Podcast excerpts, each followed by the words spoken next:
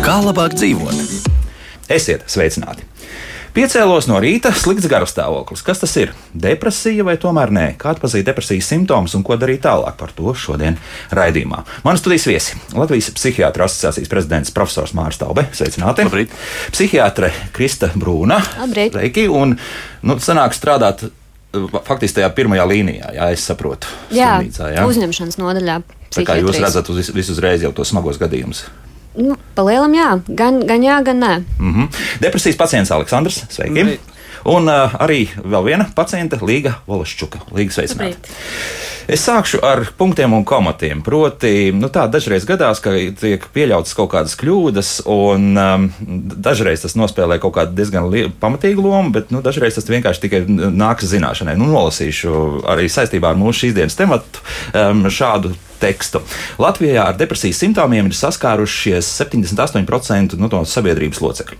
Taču no šiem aptuveni 120 tūkstoši cilvēku psihiatru vai ģimenes ārsta redzeslokā nonāk tikai 5%, jeb aptuveni 4 līdz 5 tūkstoši. Proti, um, uzreiz saprotot, ka tie 78% ir krietni pārspīlēti, tur ir komatiņš 7,8%. Bet ziniet, kas trakākais, profesor, man tas pārāk nepārsteidz pašā sākumā. Jā, izbrīns bija par tiem 78%, bet nu, tad, protams, viss nostājās savā vietā, kad es sapratu, ka tur ir 7,8%.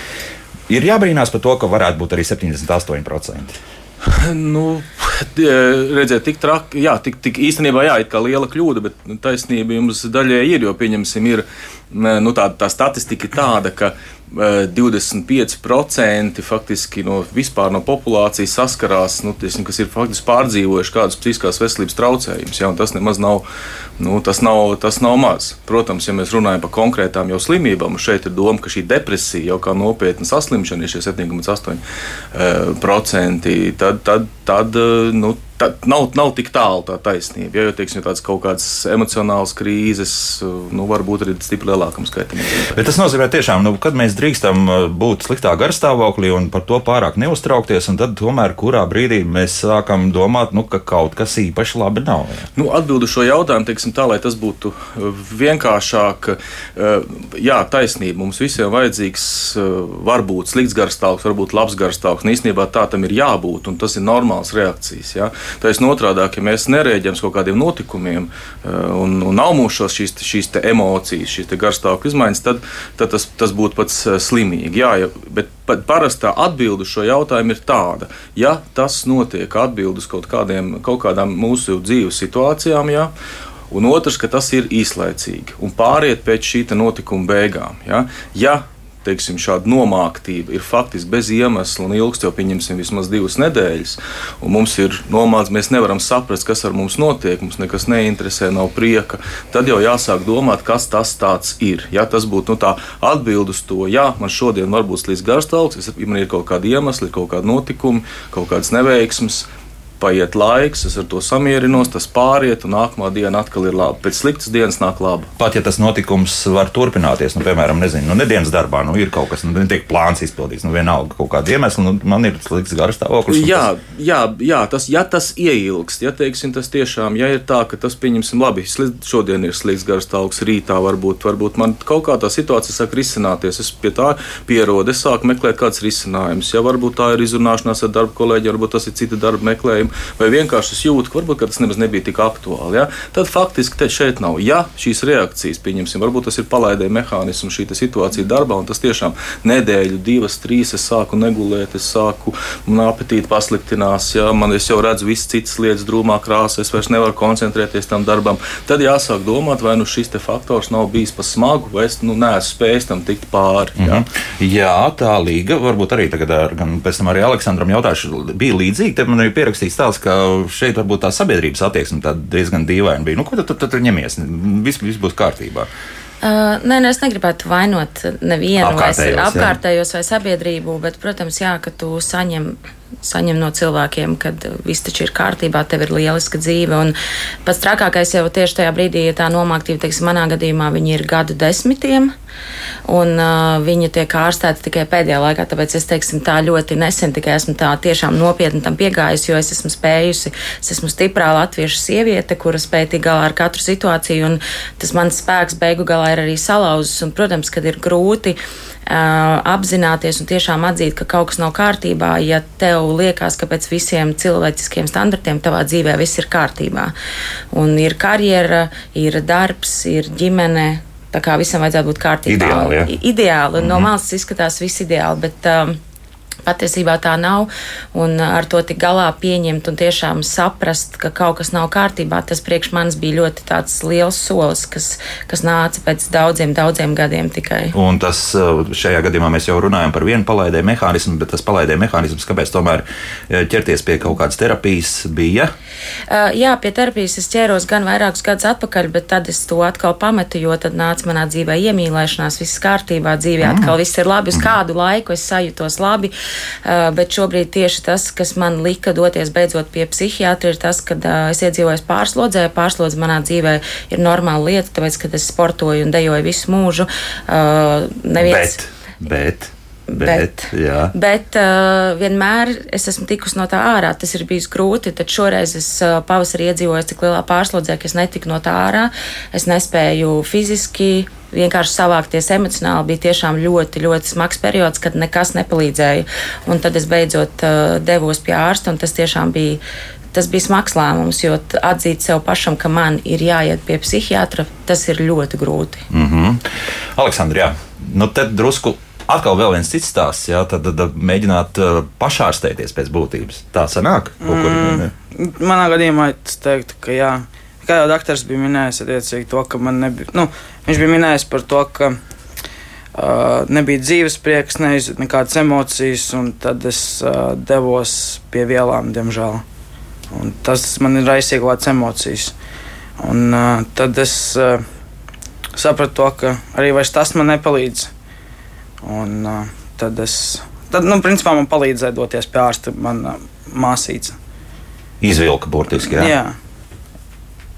Kāpēc māsīca? Māsīcai arī ir bijusi kaut kāda saskarsme ar to, vai, vai mm. vienkārši redzēja, ka nu nav labi un, un vienkārši jums ir labs kontakts savstarpējais? Mm, īstenībā baig, baigais kontakts mums nebija līdz tam, uh, bet uh, es biju vecākiem minējis to, ka man nav diezko labi. Un, um, Es, kad, es dzīvoju viens pats. Un, uh, jā, tad es attiecīgi, kad devos ciemos pie vecākiem, viņi man jautāja, kā man iet, un es viņiem stāstu to, ka es tur piemēram, nē, pirmdienās uz darbu, tur ņemu slimības lapas, es, man produktivitāte vienkārši zuda. Jo iepriekš ja bija tieši darbā viens no trīs top darbiniekiem tieši savā komandā, bet pēc tam vienkārši man viss kā, aizgāja greizi. Un uh, māsīts, tāpēc, ka vecāki nezināja, ko darīt ar mani. Jo man ir diezgan veci vecāki. Ļoti, nu, tiešām 43. gads, un tēvs un māte ir 60. gada. Mm -hmm. Un, piemēram, tēvs vēl projām neatzīst mani tā, to, ka tā ir tā slimība. Ka vispār tā kaut kas tāds varētu būt. Jā, jā vecs paliek vecs. Jā, jā. tā kā tu nevari būt vājš. Mm -hmm. nu, re, mēs te atkal esam iezīmējuši pāris lietas. Arī jūs no puses komentārs, vai, vai tur jau ir vēl smagāk gadījumi, ka jums nākas saskarties jau slimnīcā? Nē, nu, man varbūt uzņemšanā tas uh, specifika tāda, ka tā vairāk ir tāda neatliekamā, ka man vairāk nokļūs, uh, protams, cilvēki, kur ir ar ātro palīdzību, un tas varbūt jau tādi biežāk galēji kad uh, mēs arī pēc tam runājot, saprotam, ka jā, šī depresija ir bijusi. Tur vairāk būs runa protams, par pašnāvības risku. Mm -hmm. Manā, man Jā. vairāk, bet arī, ko Aleksandrs minēja, vielu lietošana ļoti bieži kopā. Un, un tas, diemžēl, tā ir, ka cilvēki tā vietā, lai vērstos pēc tādas profesionālas palīdzības, kādreiz liekas, nu, varbūt nu, var kaut kā mēģināt sev it kā palīdzēt, lai gan tas īstenībā ir citā bedrē. Un tad var pievienoties arī atkarību problēmas, un, un tad to ir jārisina kopā šīs divas jau lietas. Ja? Jo, Tā ir. Un uh, gadās gan arī pēdējā laikā, es teiktu, biežāk ar vienu, ka arī cilvēki gan nāk paši. Nu, tā kā ienāk, jo viņi saprot, ka ir slikti un uh, meklē to palīdzību. Viņi vienkārši iet uz slimnīcu. Jā, jā jo dažreiz viņi nezina. Kādreiz joprojām gadās, ka cilvēki īsti nezina, kur iet, un viņi ir apjukuši, un arī jāsaprot to, ka ka tā depresija ir, ir arī šie simptomi ir tādi, ne tikai tas nomāktais garstāvoklis, bet arī grūti koncentrēties, grūti plānot. Ja? Un uh, kādreiz ir ļoti labi, ka ir kāds blakus, kurš tev kaut vai aizved pie tā ārsta vai kaut vai, kaut vai iedod telefonu, kurai palīdz pier, pierakstīties uz vizīti. Ja? Tas pirmais, tas grūdienis, un tad jau tas aiziet, ja tas cilvēks līdz tam tiek, jo kādreiz tam pašam tiešām grūti, to ir grūti mm, iedomāties, kad ar to pats neesi saskāries. Nu, kā tā var būt? Nu, kas tu tur tik grūts, ja? bet tā ir. Un, jā, Tā kā ļoti, ļoti dažādi, dažādas šīs situācijas, un, bet jāsaka, prieks vienmēr, ka cilvēki tomēr nāk un, un arī īstenībā ar vien vairāk ir tāda pozitīva arī pieredze arī šajā jomā. Ja? Jo, Jā. piemēram, Vilma mums raksta, lūk, problēmu, ko noteikti mēs varētu mēģināt uh, komentēt, kā rīkoties, ja cilvēks jau gadiem sirgst ar depresīvu, nu, ar depresiju pēc simptomiem, kas ir viļņveidīgi, bet neatzīst, ka ir depresija. Tā Anta saka, ka ja tas ir medicīniski un ir fiziski slikti, kā palīdzēt. Medicīniski tagad tālāk mums Vilma raksta, viss ir kārtībā, šis velks jau 15 gadus, viļņveida posmu, kas nespēja piecelties no gultas un grib arī pat nomirt. Lūk, šādi. Tad, tad, nu, Ne, nu tas ir tas, tas, tas smagākais moments, kad cilvēkam pašam, nu, tīri, nu, pareizi arī teica kolēģi, ja, ka grūti to pieņemt, grūti ir tuviniekiem, arī pat tuvinieku saprast. Viņi varbūt tās pat kaut kur to nojauš, bet grūti to apziņu pieņemt. Nu, man nevar būt tas, manā, manos rados man tas nevar būt. Ja, mm -hmm. teiksim, tas ir tā kā liekas, ka kauns. Ja. Tāds, jā. īstenībā mēs arī aicinām, mēs sakam, tā ir īstenībā varonība arī teiksim, vīriešiem. Vīrietis saka, es nekad ne, nevaru būt. Tā ir varonība, aiziet pie tā doktora. Ja, tas, ir, tas, ir, tas ir tiešām tā kā, tā kā prostata aicina pārbaudīt, ja, audzēt cik no aiziet, ja, cik no aiziet, bet nu vienalga tas, ir, tas īstenībā ir varonība. Ja. Eh, līdz ar to tas ir smagākais jautājums. Tāpēc arī mēs, teiksim, nu, kā asociācija, mēs mēģinām strādāt arī ar ģimenes ārstiem daudz. Ja, teiksim, morāli aiziet pie ģimenes ārsta, jā, un tie rādītāji, teiksim, arī tie statistikai rādītāji, ka faktiski pirms tās pašnāvības, tur pēdējās nedēļas, divu nedēļu laikā ļoti liels, liels skaits, eh, tur pa 25% pirms tā izdarīt, aiziet pie ģimenes ārsta. Viņš vēl meklē to pēdējo momentu, viņš vēl runājās, viņš runā varbūt par citām slimībām, ja viņš mēģina uztaustīt, varbūt man sadzirdēs. Ja. Nu, un tad cik tad ģimenes ārsts vispār ir sagatavots tādai situācijai? Mēs, nu, mēs, mēs cenšamies, mēs esam sagatavojuši gan, gan dažādas, gan apmācības ir bijušas, gan dažādi materiāli ir bijuši. Viņiem pieejams pilnīgi tur A formātiņā, viss kā rīkoties. Ja, es domāju, ka katru dienu tas nu, paliek, paliek labāk. Un tad jau, protams, varbūt ģimenes ārsti tas, kam uzticās un kas saka, nu, klausies, jā, mēs visi izdarījām, to tuvinieki redzam, bet man ir tur tāds centrs, ir piezvanījis, varbūt aiziet pie tā doktora. Ja? Mm -hmm. Un tas jau ir tas ceļš, skaidrs, kad uzreiz nu, es taču neesmu traks un man nevar būt manā dzimtā, ka man tagad ir jāiet. Nē, jā, tagad autovadītā apliecības nebūs, nekas nebūs. Nu, jā, jā arī, arī nebūs. savas, savas lietas, kas arī cilvēkiem jāsaprot, bet nu, veselība ir pirmā vietā. Pirmā vietā, jā. Līga te kaut kādas reakcijas bija, jā? Es neesmu maidīja, tāpēc, ka no, mans ceļš pie psihiatra tieši bija caur ģimenes ārstu. Mm -hmm. Jo es, bet tas bija pateicoties manai Covid pieredzēji, jo es izslimoju Covid un tajā laikā es nodibināju labu kontaktu ar savu ģimenes ārstu, jo katru dienu man zvanīja un arī psiholoģiski viņi man konsultēja, sakot kaut vai tādas vienkāršas vārdas, tev viss būs kārtībā. Cik labi ģimenes ārsti. Jā, un jā. man psiholoģiski jau tajā laikā bija slikti. Un pēc tam, kad es sāku viņai uzticēties šādi, tik tuvāk, tad es arī, tā, kad man bija pārslodzes, aizgāju pie sava ģimenes ārsta. Viņa minēja, paskatoties uz mani, viņa teica, ka es redzu, ka kaut kas jau nav kārtībā, un es arī atzīstu to, ka nav kārtībā. Es viņai arī teicu, pasakiet, ko man darīt, tāpēc ka es vairs nevaru. Un viņa man ieteica centru kur griezties, iedod man telefonu numuru, un tad tālāk jau es rīkojos pati. Tāpēc es esmu tiešām pateicīga ģimenes ārstei, jo viņa to uztvēra ļoti veselīgi un tiešām uztvēra nopietni. Teica, jā, tā kā es tev palīdzēšu, cik es tev varu. Es teiktu, ka nopietni uztvēra. Ja? Jā. Aleksandra, arī bija kaut kāda saskarsme ar ģimenes ārstu, vai vienkārši viss notika pa taisno kaut kā? Mm, principā nē, nebija. Pēdējā dienā, kad es gulos slimnīcā, tad es pazvanīju un pateicu to, ka man ir izziņa. Viss. Viss. Un arī jautājumu nebija nekāda. Viņa, viņa bija šokā. Kā, kāpēc? Kāpēc es tur dodos? Pat tā, jā. jā. Jo es nebiju komunicējis ar ģimenes ārstu par tādām lietām. Mm -hmm. nu, šoks būtu labākā reakcija no ģimenes ārsta, ko tev arī pēdējā nedēļā, kad cilvēks tomēr dodas jau. Nu, nu, nebūtu, nebūtu tas labākais, bet mums nu, jāsaprot arī, pirmkārt, ir dažādi ģimenes ārsti un arvien vairāk paliek labi, un mēs ticam, ka, ka tā būs. No otras puses, nu, jāsaprot arī arī visi šie laiki, un arī visu Covid laiku, un viss pārējais, un visādas viņa pārslodzes, viņa varbūt strādā vairāk ar citām slimībām, varbūt arī visu laiku, saspringt laiki. Mēs arī tagad aktīvi par to runājam, bet tieši šobrīd droši vien ģimenes ārstiem, kur viņiem jādod izziņas visām skolām, vakcinācijām, ja vi, testiem, viņiem ir grūts laiks, ja viņiem par pašiem reizēm vajag palīdzību. Ja, tā kā, tā kā, nu, nu, būsim tādi ieturēti, bet nu, mēs cenšamies. Es domāju, ka katra tās, katrs tās signāls, katra tā lapiņa viņam uz galda paliek kaut kur atmiņā, un tajā situācijā būs kaut kāda aizdoma. Viņš paņems, pastīsies, teiks, lūk, tādas psihoterapijas, tāda, tādas iespējas un, un palīdzēs. Mm -hmm. bet, nu, tas kopumā tomēr noved arī pie ļoti traģiskām sekām, un nu, pat ir bijis laikam tāds laimīgs gadījums, ja, kur nu, pat publiskajā telpā bija, ka no vanšu tilta tomēr ir izdevies izglābt visdrīzākais, ka jauna sieviete, ja, tad apkārtēji ir labi reaģējuši. Kas notiek tālāk ar šādu cilvēku? Kas, kas būtu jādara? Tā? Pēc pašnāvības mēģinājuma, protams, protams cilvēki nu, bieži vien nokļūst nu, šādā gadījumā. Mm, droši vien, kad varbūt viņi tiks nogādāti psihiatriskā slimnīcā, grūti, mm -hmm. grūti teikt to, to scenāriju. Biežāk tas, protams, noteikts ar somatiskām slimnīcām, kur ir bijuši vai nu kaut kādas, teiksim, vēnu griešanas, vai bijušas kaut kādas medikamentu intoksikācijas, kas ir noteikts ar šīm slimnīcām. Tad, protams, ir nu, noteikti vajadzīga šī psihiatra konsultācija. Arī, arī protams, ir, ir nu, pēc tam, pēc slimnīcas ir eh, slimnīca arī jau šobrīd ar vien modernāku un modernāku strādā gan psihologi, klīniskie psihologi, gan teiksim, citi speciālisti, ir, kas mēģina nu, to situāciju risināt jau uz vietas pēc iespējas ātrāk. Ja? Arī es zinu, ka Lermonta vielā centrā veidoja arī šo pašnāvību atbalstu komandu grupu. Ja?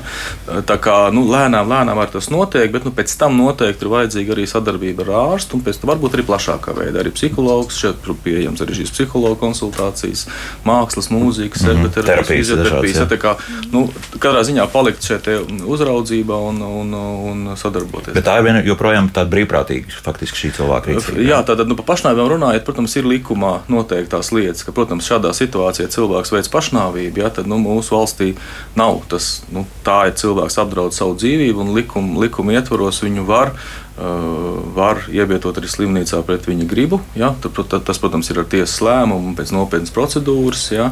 Bet, nu, protams, tas nu, nu, neveicina tādu sadarbību un arī pēc pašnāvības mēģinājumiem daudz labāk ir pat ilgtermiņā, teiksim, ja izdodas teiksim, ambulatorā veidā, bez teiksim, spundēšanas slimnīcā, izdodas ar cilvēku sadarboties vai caur dienas stacionāriem vai radot šo uzticību. Tur ilgtermiņa rezultāti un sadarbība būs labāka ja? nekā varbūt cilvēks teiksim, būs slimnīcā. Viņš tur teiks, ka viss ir kārtībā tik palaidiet man mājās, un faktiski ļoti liels risks, ka šie pašnāvības mēģinājumi var atkārtot. Mm -hmm. Dr. Brun, kā jums klājas ar, ar, ar šādām lietām? Mm, Jūs jau pieminējāt, ka jums ir. Jā, profesors pieminēja, jā, šīs tādas procedūras tiešām pastāv. Es gan teikšu, man vienkārši es pati to daru. jā, kā, un, kad ir arī neatliekami stacionēšanas gadījumi, es gan teiktu, tur, kur ir depresija un pašnāvības mēģinājumi, tur tomēr biežāk nav šis. Jā, tas tomēr arī cilvēki mēdz būt, ka viņas pārved jā, tiešām no šiem somatiskiem stacionāriem pēc uh, mēģinājumiem pie mums. Uh, mums praktiski nevar atcerēties nevienu gadījumu, kad būtu tiešām, ka cilvēks nepiekrīt ārstēšanai. Jo viņš kaut kā, mēs tomēr arī pārnājam, kā jūs jūtaties pēc tam, nu, ka jūs mēģinājāt, un kā jūs jūtaties, jūs jūtaties atvieglots, vai jūs jūtaties tieši nu, bēdīgs, ka neizdevās. Jā? Un? Nu, dažādi, dažādi. dažādi ir, ir arī tādi, protams, smagāk būtu tie, kas tiešām jūtas nu, ne, nu, neapmierināti, ka neizdevās, jā, jo tas nozīmē, ka tas ir smagāk, bet ir arī gadījumi vairāk, tomēr, ka cilvēks tomēr saprot, ka jā, nu, tomēr nē. Ja, un ka viņš grib, grib kaut kādu palīdzību. Un, jā, protams, tas ir tik akūti, ka sākumā tas pirmais solis ir tas stacionārs. Uh, Jo jāsaprot, ka mums ir jānodrošina tāda droša ārstēšana, jā, un, un ja būtu iespējas vairāk, varbūt tāda nu, sabiedrībā balstīta pakalpojuma, vairāk, būtu tādi intensīvāki, jā, bet, nu, Mums varbūt, jā, mums ir iespējas, mums ir šie dienas stacionāri arī diezgan daudz, mums ir ambulators pieņemšanas, tomēr pie psihiatriem tīpaši Rīgā ir iespēja tikt, bet, nu, pirmais tas stacionārs ir arī, nu, šajos gadījumos, domāju, adekvāts, jo tad cilvēks tiek ārā no tā akūtā un tur arī strādā cilvēki, lai motivētu viņu tomēr pēc tam arī turpināt palīdzību, ja, meklēt un nepazust. Ja, mm -hmm. tikai. Jo šobrīd arī slimnīcas. Nu, Nav jau visas. Cilvēkiem bieži vien arī vēl tie, man arī gadās jautājumi, kā tur izskatās, vai tur, zini, trako kraklu un tādas lietas. Un man tiešām vēl joprojām. Sienas, jā. Nē, tiešām jāskaidro, ka tā jau tiešām tas nav un ka tā ir normāla slimnīca. Mums arī, piemēram, ir arī šīs neirožu, neirožu nodaļas, jā, kura tieši ar depresijām, trauksmēm ārstējas cilvēki, jā, pēc tāda profila. Un, un viņi dažreiz pat pārsteigti un, un apmierināti ar to, jā, kā tur ir bijis. Un, un, protams, ka cenšamies, cenšamies veidot uh, to, lai cilvēki pēc tam nebūtu šie aizspriedumi tik lieli, un viņi arī nebaidītos pēc tam vērsties pēc palīdzības. Mm -hmm. Sagalu jautājušu aizspriedumi pirms bija kaut kādi? Mēs jā. jau runājām, jā, bet, bet nu. Jā, nu tas ir aizspriedumi varbūt pašam pret sevi, kad es aizgāju pie psihiatra. Es uh, stāvēju klīnikā un googlēju, ko nozīmē vispār psihiatrs. Jo man likās, varbūt tā, ka es neesmu īstajā vietā, varbūt ar mani nav tik traki, un es centos kaut kā atrast, un tad es vienkārši meklēju un izlasīju šo informāciju, ka tas ir viss tā kā medicīniskākais speciālists, kas man tajā brīdī var palīdzēt. Tad es nomierinājos, jo patiesībā it kā mēs ļoti daudz ko zinām, bet mēs nesaprotam, jo man arī bija šie aizspriedumi, bet man bija nedaudz vieglāk, jo es pazīstu kādu cilvēku, kurš eh, strādāja psihiatriskajā slimnīcā, un šis cilvēks man tieši teica, kā, ka tas nav tik traki, kā mēs domājam, kā mēs esam saskatījušies filmās, tas man arī palīdzēja vieglāk aizbraukt uz šo klīniku, jo tā pati piebraukšana, tā pati aiziešana psiholoģiski man bija ļoti grūti. Tiešām tā kā sevi ielikt varbūt kaut kādā kategorijā. Un, un, jā, un tāpēc tie aizspriedumi man bija pašai. Šobrīd man viņi nav, un es esmu ļoti pateicīga un laimīga, ka es nonācu pie ārsta, kurš pateica, ka man centīsies palīdzēt. Nebija jēga mocīties 20 un vairāk gadus. Jā, jo tā, tajā brīdī nāca atvieglojums, kad man beidzot bija kāds profesionāls cilvēks, kurš pateica, jā, tev ir taisnība, ar tevi nav viss kārtībā, un mēs tev palīdzēsim. Un es teiktu sev, diemžēl, ka es to izdarīju tik vēlu, jo es arī esmu centusies pati sevi ārstēt, uh, dažna, dažādi apspiežot savas emocijas vai arī paceļot emocijas, kā teica Aleksandrs. Es arī es esmu māksliniece un man šīs emocijas vajag ļoti spilgtas, un es neesmu vērsusies pie nekādām vielām, bet es esmu vērsusies pie alkohola, un es esmu gājusi izklaidēties 4-5 reizes nedēļā. Man tas ir licies pilnīgi normāli, tikai tāpēc, lai es liktu sev kaut ko just. -hmm. Un līdz ar to es esmu pateicīga tiešām tiešām, kad es aizgāju pie ārsta, ka es paliku tos aizspriedumus malā, un es vēl pēc tam jokojos arī saviem vecākiem, kad es braucu uz psihieni. Un tas ir tas, nu, tā kā tas ir kā es jau viegli ar humoru uzsver. Bet jā, ar, jā. es cenšos ar humoru, jā, to uzsver, bet tajā pašā brīdī tas ir tāds, tas arī ir tas aizspriedums, jo, ja parunāt ar cilvēkiem apkārt, tad, tad ja tu pasaki, ka tu biji pie psihiatra, man arī ļoti daudz cilvēku uzreiz sāk skatīties uz tevi. Tā kā tu taču nu, Aha, tu jā, tā, neesi. Metru tālāk pabīdīsimies. Jā, tad man gribās pateikt, nu, nē, nē, nu, tā kā es vēl joprojām esmu tas pats cilvēks. Mm. Aleksandra, arī par aizspriedumiem bija vispār jautājumi vai nē? Mm. Es īsti nevaru to pateikt. Man, nu, man bija grūti pieņemt to, ka man būtu jāiet. Es tā kā rīktīgi, godīgi pretojos tam visam. Jā. Bet tad es sapratu, to, ka, kad es lūdzu palīdzību ģimenei, man uh, nesniedza palīdzību. Bet, kad man atnāca paši, kā piedāvāja palīdzību, tas būtu stulbi atteikties. Un, jā, es piekrītu. Tas solis tiks spērts. Jā. Nu, jā. Nu, jā. Laiks mūzikai. Pēc mūzikas mēs turpināsim. Mums sāk rakstīt arī radioklausītāji. Domāju, ka arī mūsu studijas tālruņi būs jūsu rīcībā. Zvaniet droši, bet to izdarīsim pēc pāris minūtēm. Psihiatre Krista Brūna. Kā arī profesors Mārcis Kalniņš, Latvijas psihiatras asociācijas prezidents, kā arī divi pacienti, Aleksandrs un Līga Olašķuks šeit studijā. Kā labāk dzīvot? Jā, šodien mēs runājam par depresijas principā atpazīšanu, pirmajiem soļiem un tālāk arī ko darīt. Nu, mēģināsim arī vēl šajā pusstundā vēl dot arī ieteikumus, bet ir, ir pietiekami daudz dažādu komentāru. Nu, viens komentārs, nezinu, iespējams, ka tas ir kāds sociālais aspekts vairāk par to, ka, kāpēc pacientiem ar mentālām problēmām jāveic līdzmaksājumi par ārstēšanu. Tā gunsts uzdot šo jautājumu.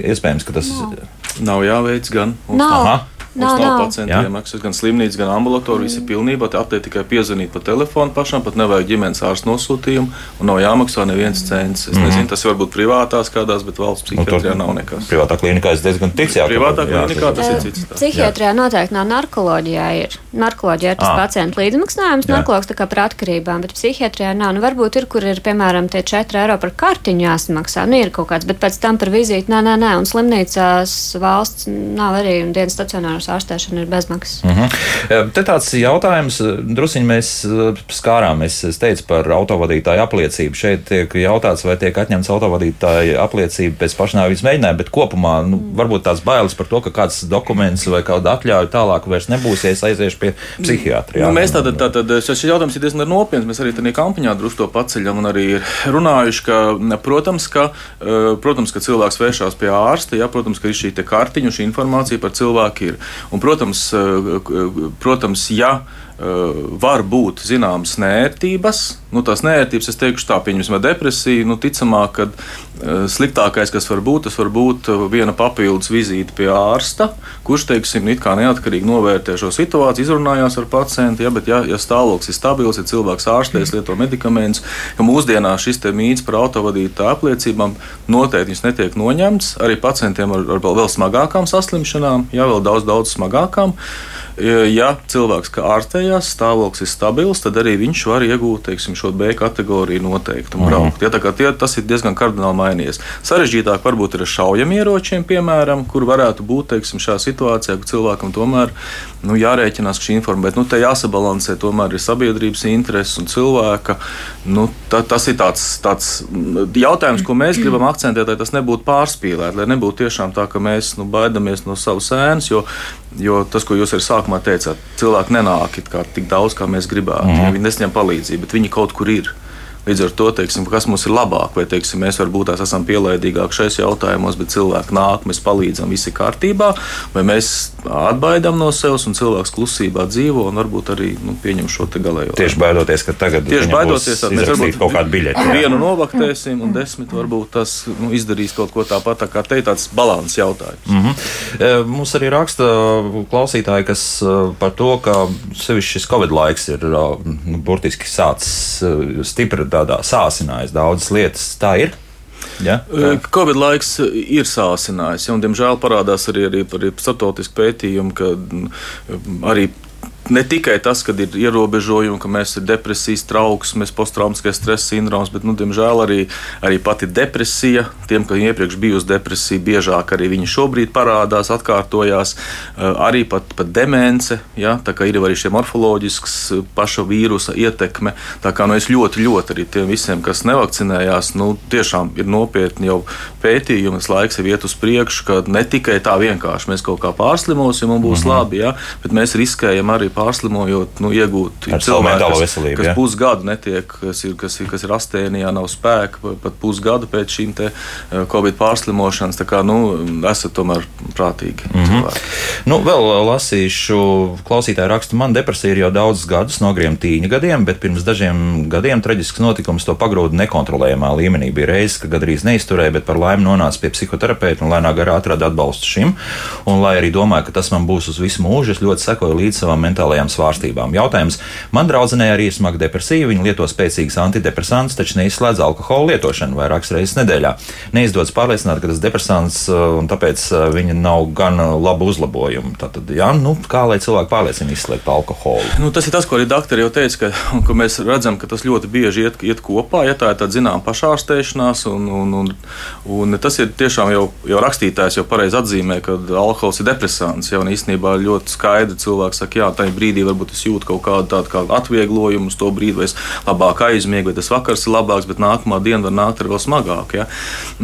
Protams, un kopā ar zālēm tas viss ir īpaši, nu, tas ir, tas ir ļoti negatīvi. Bet, nu, acīm redzot, šais gadījumos ir jāmēģina ārstēt abas lietas, ja, un reizēm, teiksim, ir narkotiskā palīdzība varbūt vajadzīga, varbūt tas ir kaut kāds aizvietojušs terapijas ar specifisks, teiksim, medikamenti. Ir jāārstē abas lietas. Ja. Šeit, šeit, varbūt, nu, šeit ir labāka cerība, ja cilvēkam ir depresija, varbūt izdodas to alkohola atkarību atcelt, pabīdīt, ja. pabīdīt un tad tā depresija ārstēsies eh, labāk. Ja? Un alkohols sagrauj arī visas receptoru sistēmas. Ja? Diemžēl ir situācijas, ka cilvēks tiešām nonāk tik pa vēlu, ja, ka faktiski jau arī tā, tā zāles nestrādā. Ja. Mm -hmm. tā kā, nu, to es ļoti, ļoti arī, arī krīzes laikā aicinu, tomēr nu, to vīna pudeli vakarā nesēdēt ja, un nelikties, ka tā ir viena glāzīte, divas, beigās tā ir pudele. Ja, tad, tad, tad, saka, Varbūt vēl kaut kur kāds rezerves. Nu, diemžēl, jā. Aleksandrs, izdevās atteikties no vielām? Mm, man šobrīd jā. Viegli tas bija? Mm, nu, bija ļoti smags darbs pielikt pie tā tiešām 35 dienas pavadīju stacionārā. Mm. Lai, lai tiktu vaļā, jā, nu. Nu, tur, jā, tur tas ļoti palīdzēja. Mm -hmm. Nu, bija tur arī jā, alkohols, un tagad ir. Uh, nu, viss. es, es teiktu, laikam, ka es neesmu bijusi tik tādā varbūt nopietnā stāvoklī, un es neesmu bijis stacionārā, bet, kā jūs teicu, ka dzīvojot mākslinieka dzīvi, bohēma, un man īstenībā tās risinājums nāca tieši tajā brīdī, kad es pati pārtraucu vispār lietot alkoholu. Uh, tas bija pagājušajā vasarā, kad es vienkārši pateicu stop un ļoti ilgu laiku. Un es domāju, ka tas pasliktināja manu depresiju, jo es tiešām neārstēju, es neapspiedu to. Es, man nāca ārā, un tad man tiešām bija tā sajūta, ka man ir jāmeklē palīdzība, jo ar alkoholu, ar tusiņiem, ar draugiem. Nu, to var ar, visu kaut kā es, nospiest, nu, tas viss, visa parastā mm. dzīve aizmirstās, un līdz ar to, tā, kad es to izslēdzu, tad es nevarēju vairs aizbēgt, man bija tāda sajūta, ka es vairs nevaru aizbēgt. Un tieši tāpēc es arī pēc tam jau jūtu, ka man ir jāvēršās pēc palīdzības, un kad tā pašārstēšanās un, un uzdot sev jautājumu, kā es dzīvošu un cik ilgi es dzīvošu, vai es dzīvošu tā visu mūžu. Un skaidrs, ka arī teiksim, tas alkohols, šī vīna glāze, šī vīna pudele, šī viskija pudele, mēs redzam to ikdienā apkārt visur, gan arī katrā ģimenē, ka tas, ka tas ir normāli. Un tad tu uzdod sev jautājumu, cik normāli tas ir cik daudz ir normāli. Un šādā ziņā, jā, ka šobrīd arī uh, pateicoties arī ārstēšanai, pateicoties pašai sev, tā kā es alkohola daudzumu esmu ļoti samazinājusi, praktiski šobrīd esmu izslēgusi ik pa laikam. Tas ir uz līgo svētkiem vai nu, kaut kādiem svētkiem, teiksim, bet tā vairs nav mana ikdiena. Uh, Un tas tiešām tā ir, ka tas palīdz uz to mirkli, tas palīdz uz to vakaru, un nākošajā dienā ir iekritiens vēl divreiz lielāks, un tad arī nevar izkāpt no gultas, tad arī nevar aiziet uz darbu, atrodas attaisnojumi, un tad, tad sākās meli, kāpēc tu nevari aiziet uz darbu. Nevis no, nu, tāpēc, ka tev ir slikti, nu, jā, ķēdīt, tā, tā ķēdīte aiziet jā. ļoti, jā, mm. ļoti spēcīgi. Dr. Brūna, jā, noteikti jums arī šādi gadījumi ir. Jā, protams. Nē, es domāju par to vispār par alkohola vielām. Man liekas, ka tur ir ļoti vienmēr jāuzdod jautājums, kāpēc vispār mēs darām, ko mēs darām. Jo īstenībā viss, ko mēs darām, parasti tomēr ir kaut kāds mērķis. Un ja rakstītājiem, kurš minēja par savu draugu, jā, viņi jau ārstējās, bet viņi redz arī alkoholu lieto.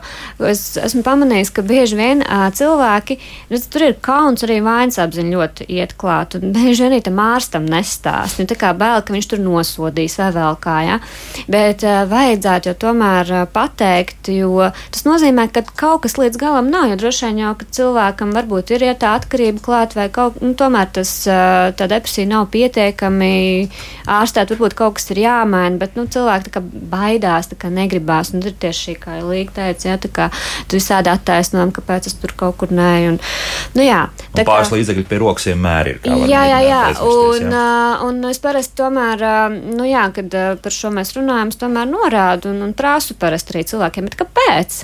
Viņi tādi, nu kā, nu vienkārši tā. Nu vienkārši. Nu, tā ir. ir vienkārši risinājums. Jā. Uh, bet lai viņi sāk tā kā domāt, kāpēc viņi dara to, ko viņi dara, jā, kas tur ir. Un viņi arī saprot, ah, nu jā, laikam, dažreiz saprot, jā, ka jā, laikam, jā, kāpēc, kāpēc mm -hmm. tā ir. Nu, paklausīsimies arī kādu klausītāju. Lūdzu, jūs varat jautāt. Halo! Labrīt, labrīt, halo! Jā, lūdzu, jūs esat ētrā. Ļoti patīkami tā raidījums, ja, bet es tikko ieslēdzu nesen, jā. Sakiet, lūdzu. Vai tāda vientulība, piemēram, man visi bērni, visi ir Anglijā, jā, man 70 gadi. Vai tā vientulība arī var izraisīt tā kā depresiju? Neko vairs negribās, neko gulēt nevar. Un, un viss, kas interesē teātri, mākslu, viss kaut kas, ne, Neko. Vairs nav nekāda interesa. Ja? Labi, paldies. Jā. Arī depresija vai kā?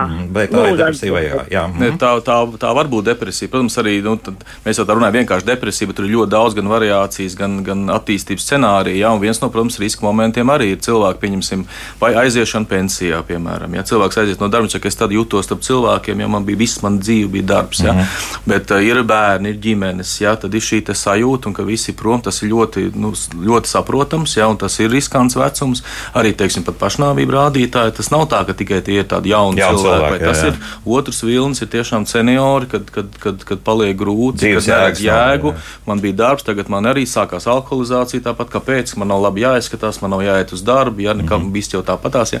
Tā kā es teiktu tā, ka tā kā kundze sāk gandrīz vai simptomus uzskaitīt, ja, tas nav tik vienkārši. Varbūt, ka tur ir iespējams, protams, ka mēs iesakām, nu viena lieta ir jāstāsta, pirms ir ārsts novērtējums, vai tur kaut kas nopietnāks, vai vajadzīga psihoterapija vai zāle vai medikamenti.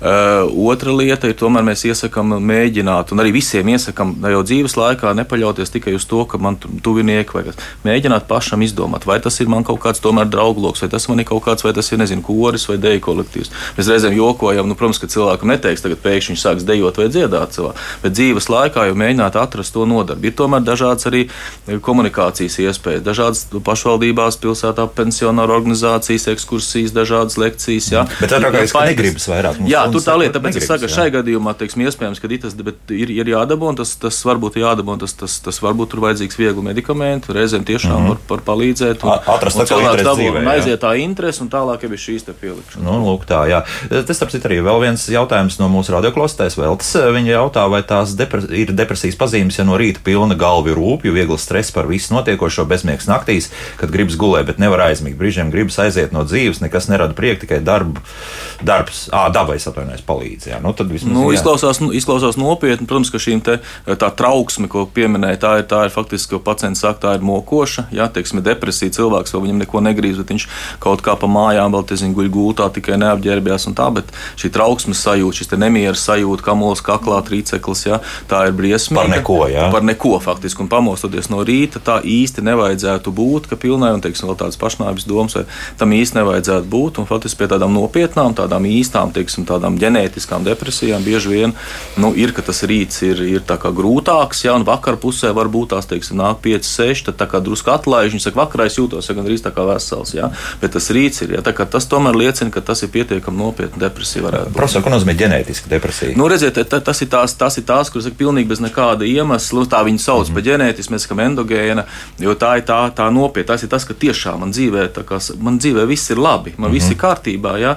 bet nevar bet saprast, nevar kā, saprast kāpēc. Un tad bieži vien mēs arī meklējam, teiksim, rados un sakām, jā, man tur mammai, tētim, tur kaut, bija kaut kādas pašai, kaut kādas situācijas, ka tas tomēr nu, tā genē, ģenētika tomēr ir smaga lieta. Jā. Jā. Ir otra lieta, ir šīs te, te ārējie cēloņi, mēs runājam, kaut kas šausmīgs dzīvē notiek. Jā.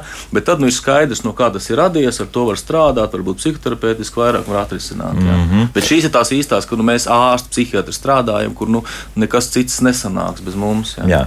Anna mums raksta šādi: vairākus gadus uh, pēc traģiska zaudējuma nonāca pie psihiatra, kas man vienkārši sabaroja ar kaudzes medikamentu. Tas neļāva normāli izdzīvot skumjas, kas vēlāk loģiski atgriezās caur veģetatīviem traucējumiem. Tā var būt.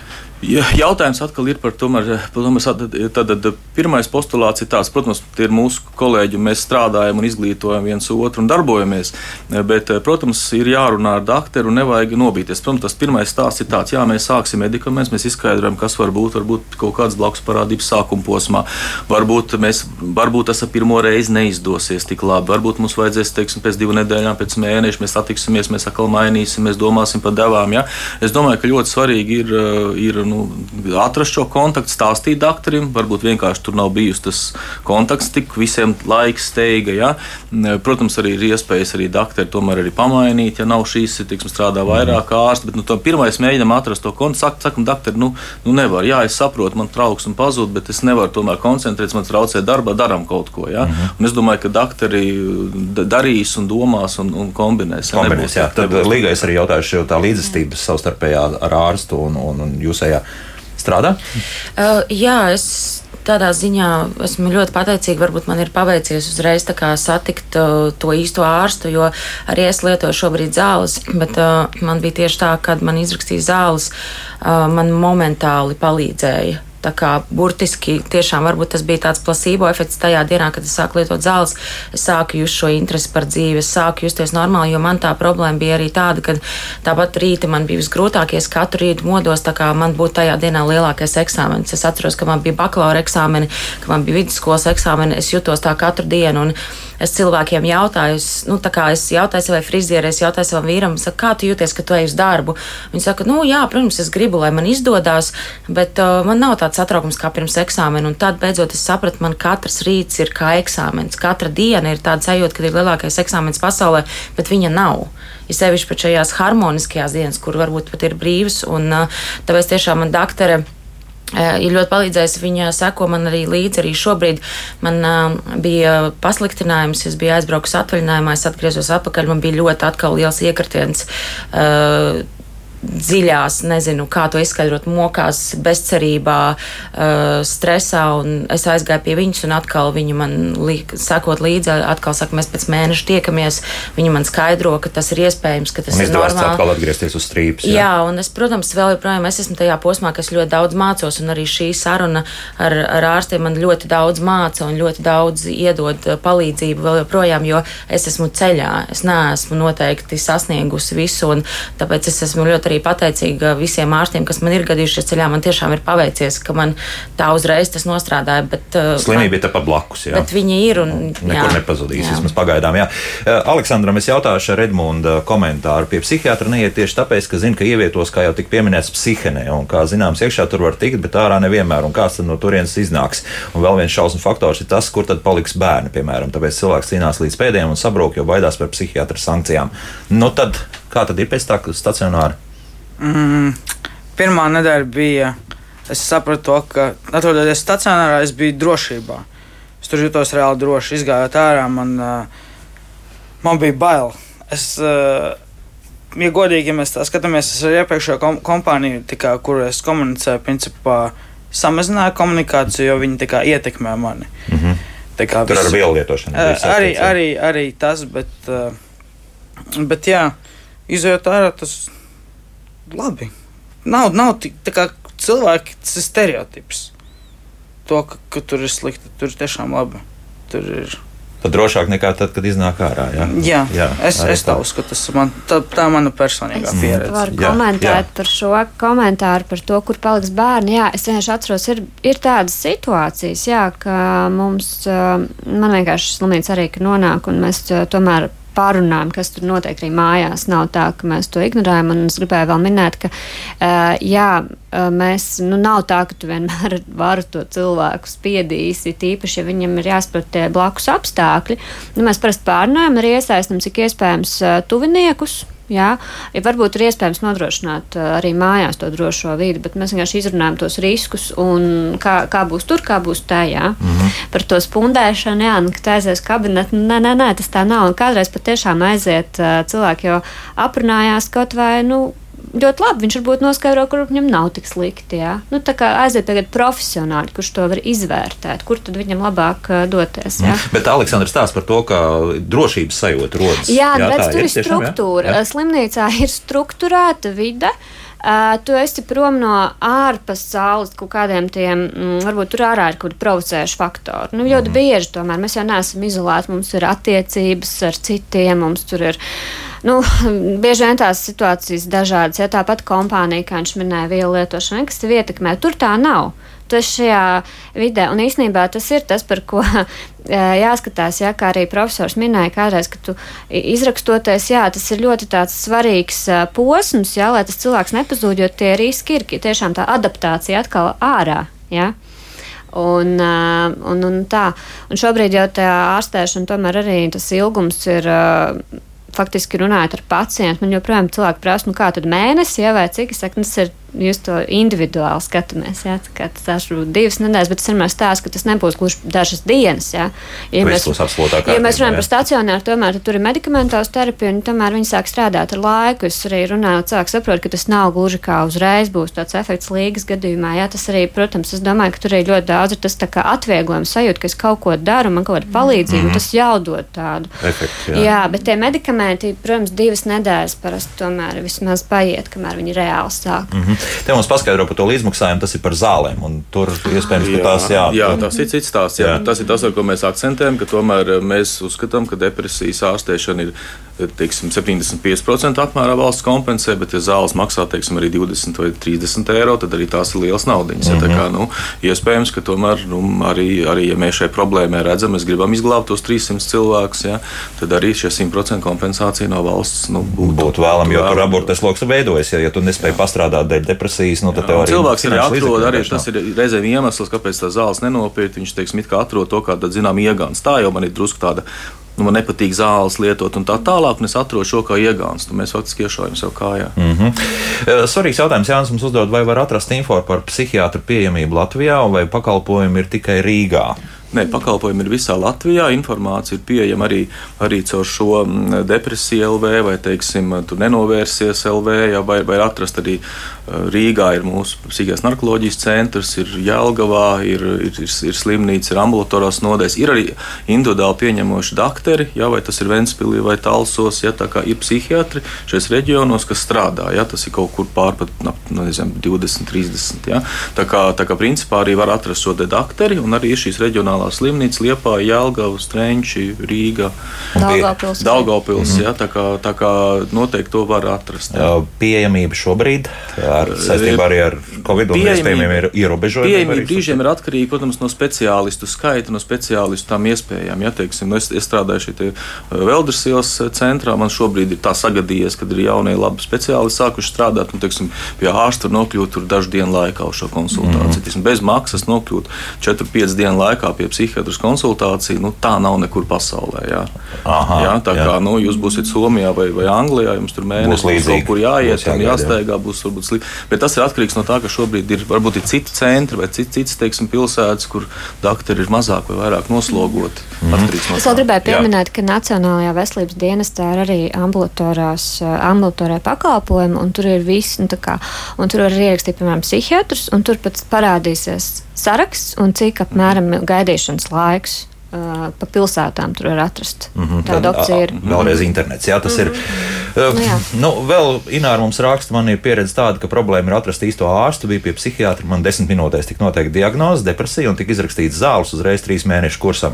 Vai tiešām tik īsā laikā var noteikt? Nu, nu, nu, sakiet jau, kā ir. Nu. Nē, es, es, es domāju, ka, ka tas tomēr, te, tā ir tomēr ir sadarbība. Ja, teiks, man nepatīk šīs, te, ja, es, ja sākam strādāt, tad, protams, ka mums ir kaut kāda saziņa pēc divām nedēļām, vai tā ir vizīte, vai tas ir, teiksim, teiksim, elektroniski, tāpat tās var atsūtīt e-pastu, tur visādi pacienti raksta WhatsAppos un, un Facebook. tā kā visādi mēdz būt. Ja? Un tad ir noteikta vizīte tomēr pēc mēneša, vai jā, nu, teiksim, divas, trīs līdz mēnesim pirmā vizīte. Ja? Kad mēs sakām, jā, tā kā doktor Brūna pareizi teica, tā zālīte sāk strādāt, kas tur notiek, ko mums vajag darīt. Un tad tālāk varbūt trīs mēnešus uzreiz, un tas drusku, drusku tā izklausās mm -hmm. pavirši. Nu, un, ja es sāku raidījumu ar pēcdzemdību depresiju, tad arī noslēgsim ar jautājumu par to, cik ilgi pēc dzemdībām varētu piemeklēt pēcdzemdību depresiju un kad to vairs neuzskata par pēcdzemdību depresiju, bet vienkārši par depresiju. Nu, tā te, te, tāda lieta īsumā ir, nu, patiesībā tas ir uz, uzreiz pēc dzemdībām. Jā, bieži vien jau teiks, varbūt grūtniecības laikā kaut kāds faktors var minēt, ja uzreiz jau faktiski tā māma nevar parūpēties, viņa ir to uzreiz var pamanīt. Bieži vien, protams, jāstāsta, vai iepriekš nav bijušas depresijas epizodes pirms tam, jā, tad varbūt šis ir palaidē mehānisms. Reizēm ir labais scenārijs, ka tā grūtniecība pat uzlabo šo norisi, jā, bet nu, varbūt tad nāk nākamais pārsinājums. Tā kā jau, ja, tā, de, ja tā būs depresijas epizode, ja jau pirms tam būs bijusi, mm -hmm. tā būs jauna pēcdzemdību depresija, kas sāksies uzreiz tam. Tas patiesībā parāda varbūt arī iepriekšējās problēmas. Varbūt visādi. Jā, jā, jā, mēs runājam no pašas dzimšanas jau pacientiem, skaidrojam, kas notiek. Jā. Jāiet pie ārsta vienkārši. Jā, nu, te... nu, nē, nē, tur nevajag, tas ir nopietni. Tas, tas var būt pret bērniņu arī vērsts un emocionāli, tā kā tas ļoti mm, nopietni. Nu, jā. Profesors Latvijas psihiatru asociācijas prezidents Māris Taube, psihiatra Krista Brūna, kā arī divi depresijas pacienti, kuriem jau ir tikuši, es domāju, uz pareizā ceļa - Aleksandrs un Līga Volašķuk. Paldies par sarunu! Jauka nedēļas nogalu visiem jau vēlu un tā!